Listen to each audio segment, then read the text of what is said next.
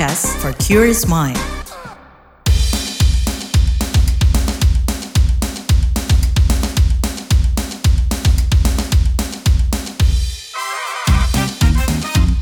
What's Trending KBR Pagi, siaran pagi radio paling update. KBR Pagi, siaran pagi radio paling update. Selamat pagi, apa kabar kalian semuanya di hari Kamis 10 Agustus 2023. Kembali lagi saya Don Brady menjadi teman pagi hari kalian semuanya di What's Trending KBR Pagi pastinya. Nah, penyelenggaraan kontes kecantikan Grand Final Miss Universe Indonesia pada 3 Agustus 2023 telah usai. Namun, kini muncul masalah dengan dugaan kasus pelecehan seksual. Kasusnya dilaporkan oleh finalis Miss Universe Indonesia 2023. Kuasa hukum finalis MUID sekaligus korban, Melissa Anggraini menyebut dalam rundown tidak disebutkan body checking. Kata dia, pengecekan dilakukan di sebuah ballroom dengan sekat seadanya dan ditutupi tirai. Pihaknya kemudian meminta keterangan dari korban. Menurutnya, dari yang korban ceritakan, ia menyimpulkan mereka telah mengalami pelecehan seksual. Menanggapi persoalan ini, National Director dan Owner Miss Universe Indonesia, Poppy Capella, mengatakan pihaknya tengah menginvestigasi dan memeriksa dugaan kasus pelecehan seksual tersebut. Ini disampaikan melalui Instagram Miss Universe underscore ID. Poppy mengklaim persoalan ini mendapat perhatian dan fokus dari Miss Universe Indonesia dan ke depannya bakal ada sikap yang diambil. Kita bakal bahas persoalan ini lebih lanjut setelah komentar netizen plus 62 berikut ini.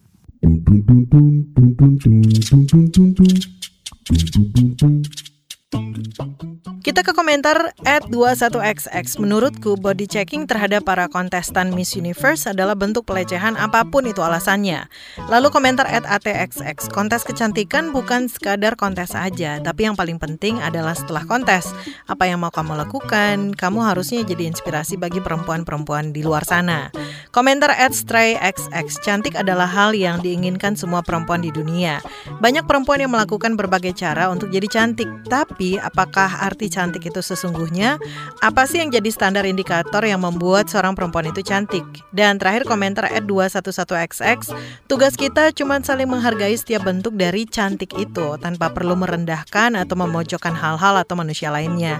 Cantik itu relatif, cantik menurut si A kan belum tentu cantik menurut si B. Begitu juga sebaliknya.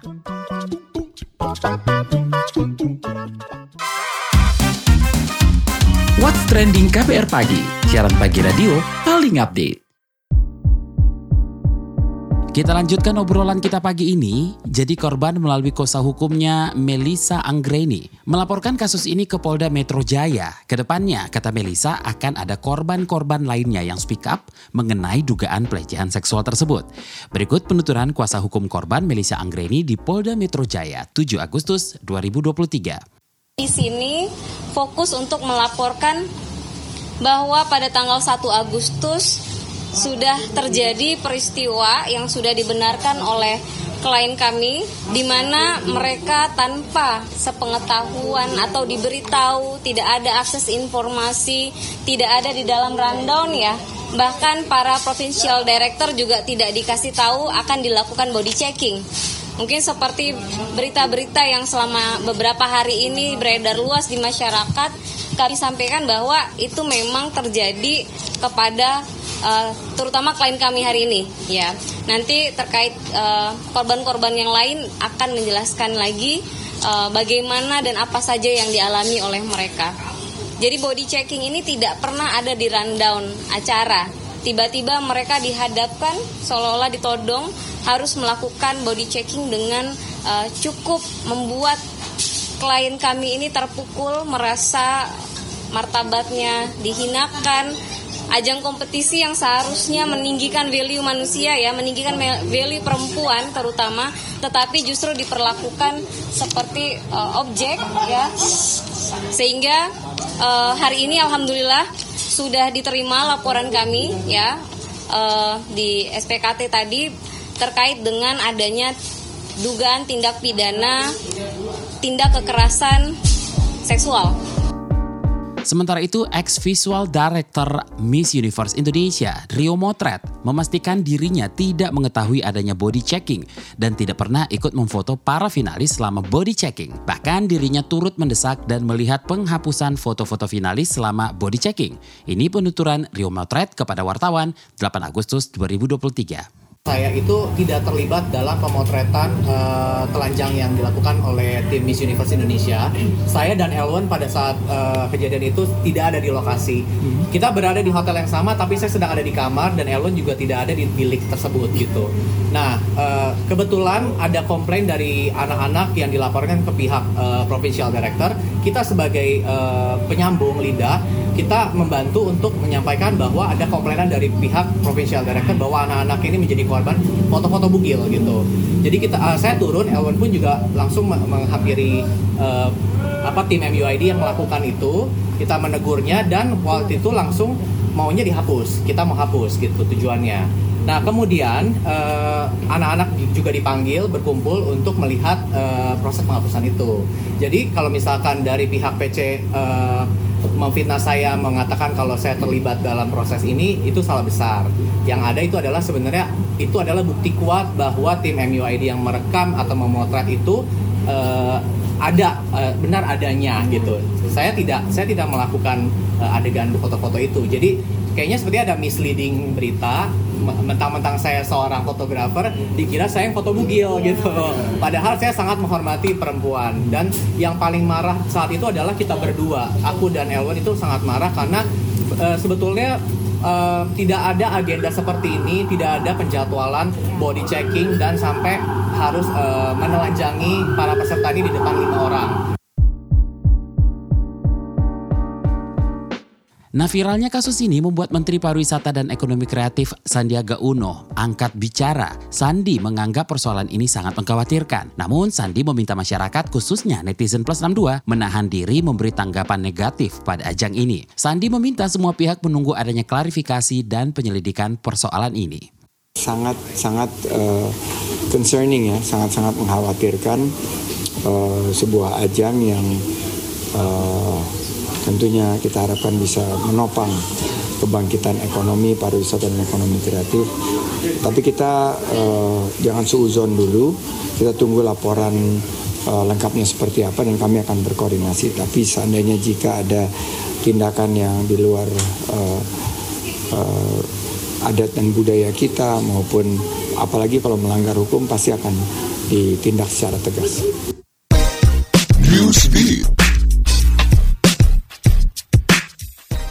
Kacaunya penyelenggaraan Jambore Pramuka Dunia ke-25 membuat anggota Majelis Nasional Korsel, Song Il Jong meminta pemerintah membujuk boyband BTS tampil. Padahal dua member BTS yaitu Jin dan J-Hope diketahui tengah menjalani wajib militer. Meski begitu, Song Il Jong menekankan pentingnya pemulihan reputasi atau citra Korea Selatan yang dianggap kurang maksimal menjalankan event internasional ini. Il Jong meminta pemerintah memberikan izin kepada Jin dan J-Hope meninggalkan tugas militer militernya lalu mengisi kekosongan jadwal Jambore. Usaha pemerintah Italia melindungi situs warisan dunia Venesia dianggap kurang. Hal ini diungkap Organisasi Pendidikan, Keilmuan dan Kebudayaan Perserikatan Bangsa-Bangsa UNESCO. UNESCO menganggap kota Venesia dalam bahaya dan pantas dimasukkan daftar situs warisan dunia dalam bahaya. Ini dipicu pergerakan pariwisata massal di kota tersebut. Tingginya tingkat kunjungan dan proyek pembangunan di Venesia dianggap mengancam kelangsungan kota tersebut. UNESCO menganggap kerusakan yang terus berlanjut harus dihentikan lantaran kota cantik itu makin rapuh. Menara lonceng kuno berusia sekitar 560 tahun di Piazza Italia tidak dibunyikan lagi karena menuai protes dari hotel setempat. Penentangan dari hotel ini terjadi usai turis-turis yang menginap di sekitar menara mengeluhkan kebisingan sang lonceng. Menanggapi keluhan dan protes ini, wali kota Piazza, Manalo Garosi memastikan lonceng tidak dibunyikan dari tengah malam hingga 7 pagi karena penyesuaian aturan polusi suara tahun 2017. Aturan tersebut tersebut mengharuskan keheningan selama rentan waktu tersebut. Di sisi lain, penduduk lokal justru mengeluh tidak dapat tidur tanpa suara lonceng. Mereka biasa mendengarnya di tengah malam.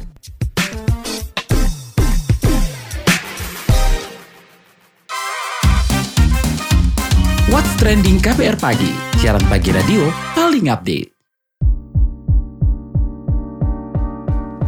Kita lagi ngobrolin soal viral dugaan pelecehan seksual di kontes kecantikan.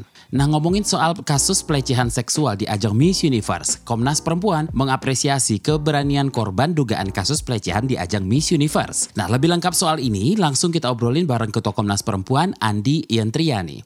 Seperti apa Komnas Perempuan melihat kasus ini? Gimana juga hasil identifikasinya? Kalau yang pertama tentunya kita semua perlu mengapresiasi ya keberanian siapa pun yang mencoba untuk melaporkan pengalaman kekerasan seksual yang dialaminya.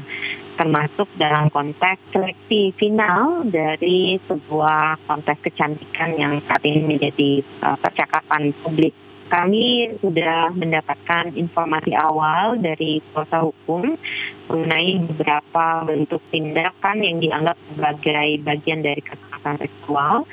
Ada yang dilakukan kepada semua, tapi juga ada beberapa tindakan yang sifatnya lebih uh, berbeda ya satu dari yang lainnya.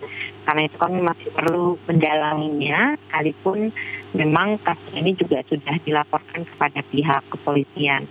Karena itu kami mendorong agar kita betul-betul mengusut tuntas kasus ini dan juga menggunakan undang-undang tindak pidana kekerasan seksual karena memang unsur kekerasan seksualnya sendiri uh, cukup nyata. Misalnya seperti informasi bahwa uh, para kontestan ini diminta untuk melepas baju, kemudian diperiksa uh, atau bahasa yang digunakan kan dari checking ya ke beberapa bagian tubuh, itu bahkan kemudian ada yang direkam dan difoto.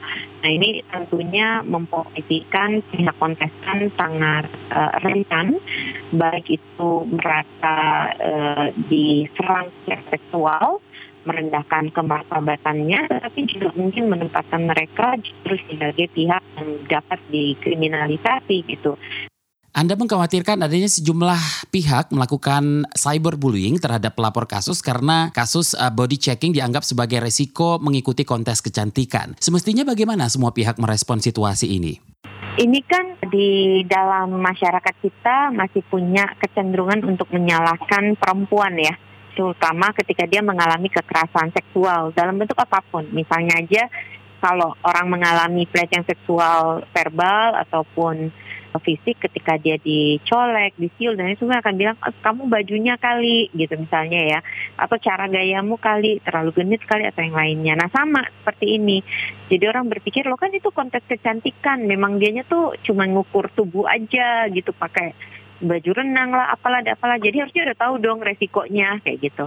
Nah, jadi orang berpikir bahwa uh, seharusnya sudah tahu, seharusnya tidak. Jadi perempuan yang melaporkan kasusnya itu justru dianggap sebagai orang yang memberikan peluang terjadinya kekerasan itu. Nah, cara pandang seperti ini yang harus kita hentikan, yang harus kita tahan untuk tidak kita lakukan karena apa pun ruang yang dimasuki harusnya dia aman Selama ini apakah ada pengawasan atau monitoring terkait ajang kecantikan seperti ini? Apa memang diperlukan? Seperti apa monitoring dan tanggung jawab siapa? Sebenarnya kalau kita lihat Miss Universe ini kan pernah sangat kontroversial sekali ketika menjadi bagian dari informasi publik bahwa si pemiliknya uh, yang sekarang sudah berganti ya Donald Trump itu pernah menjadi pemilik dari Miss Universe dan terjadi alegasi atau tuduhan tindakan kekerasan seksual yang dilakukan padanya sebagai pemilik lisensi. Pada kasus-kasus itulah yang kemudian menyebabkan dia mau tidak mau harus melepaskan kepemilikannya itu dan ada protokol yang lebih ketat bagi di kontes ini untuk menyelenggarakan um, ajang kecantik uh, kontes kecantikan itu. Nah, uh, di Indonesia model-model pemilihan seperti ini cukup banyak ya di tingkat nasional, di tingkat lokal maupun yang punya koneksi uh, sampai di tingkat global. Sepengetahuan saya sih memang pengawasannya belum tersedia gitu. Tetapi yang kita perlu pastikan adalah ketika dia terjadi, ruang untuk melaporkan itu perlu hadir dan ruang untuk memeriksa serta mencapai laporan dengan seksama itu perlu kita pastikan. Sambil kita memastikan bahwa ke depan itu tidak boleh lagi terjadi karena itu pertanggungjawaban yang harus ada itu bukan lagi hanya pertanggungjawaban individual tetapi juga pertanggungjawaban korporat atau pertanggungjawaban institusional. Kami uh, karena itu menyampaikan bahwa untuk pertanggungjawaban institusional ini baik penyelenggara sebagai organisasi ya maupun pemilik lisensi yang uh, adanya di luar negeri ini dia memiliki ketanggung jawab untuk memastikan peristiwa serupa ini tidak ulang masa depan. Saat ini kepolisian menyelidiki laporan tersebut dan pihak Miss Universe Indonesia juga melakukan hal yang serupa. Seperti apa harusnya persoalan ini disikapi? Hmm, kalau pihak kepolisian tentunya pertama-tama sudah ada pasal-pasal ya yang ditetapkan di sana. Nah, tentunya kita berharap mengacu pada Undang-Undang uh, Tindak Pidana Kekerasan Seksual juga menerapkan hukum acara yang memberikan pemenuhan pada hak-hak atas perlindungan bagi uh, pelapor. Karena itulah tadi kami menyarankan agar salah satu langkah utamanya adalah juga mengamankan baik itu foto, video, rekaman CCTV ataupun rekaman bentuk lainnya yang mungkin memuat uh, unsur seksual akibat dari proses uh, body texting ini supaya kita bisa mencegah persebarannya karena kalau udah lebih tersebar lebih sulit lagi itu nanti buat korbannya kan buat pelapornya. Nah, yang kedua tentunya tadi mengusut dengan tuntas, memastikan pertanggungjawaban individual dan pertanggungjawaban institusional atau pertanggungjawaban uh, corporate sebagaimana dalam Undang-Undang Tindak Pidana Kekerasan Seksual itu juga dilakukan. Nah, uh, termasuk di dalamnya adalah juga memintakan pertanggungjawaban dari si pemilik lisensi. Nah, terkait penyelenggaraan kontes kecantikan secara general, ada nggak sih catatan dari Komnas Perempuan apa yang perlu diperhatikan untuk menjaga menjaga keamanan dan hak kontestan misalnya? Kontes kecantikan ini kan sebetulnya polemik tiada akhir ya.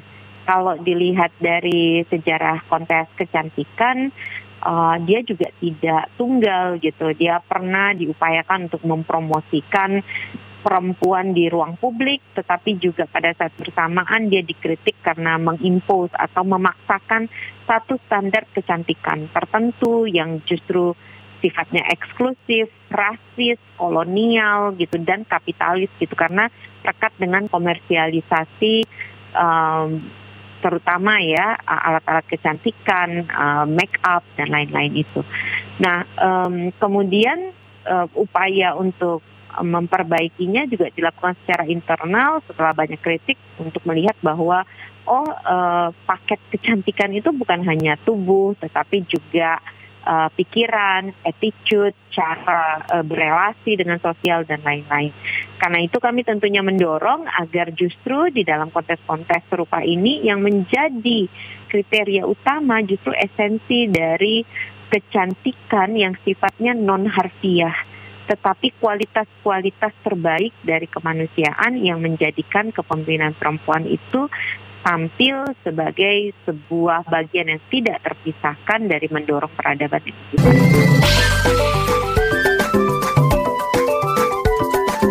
WhatsApp Indonesia. WhatsApp Indonesia kita mulai dari Depok, Jawa Barat.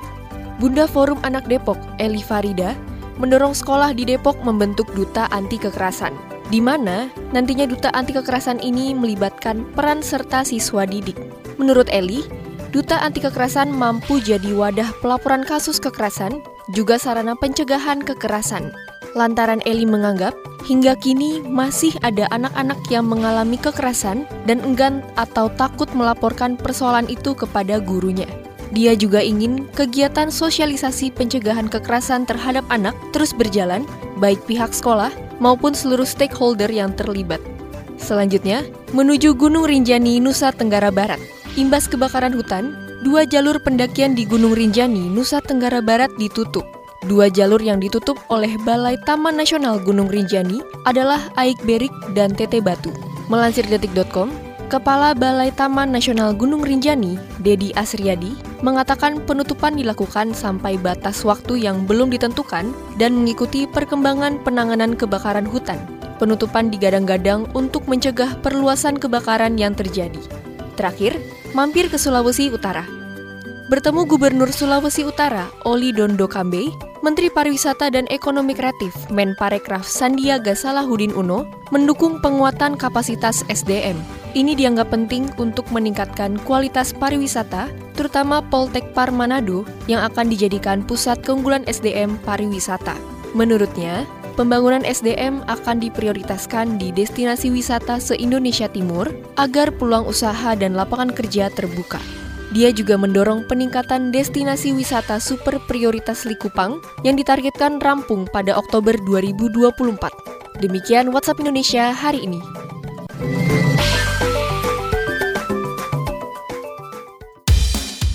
Terima kasih sudah mendengarkan What's Trending KBR Pagi. Jangan lupa tetap dengarkan podcast What's Trending di kbrprime.id dan di aplikasi mendengarkan podcast lainnya. Dan Brady pamit, besok kita ketemu lagi. Stay safe, bye-bye. What's Trending KBR Pagi, siaran pagi radio paling update.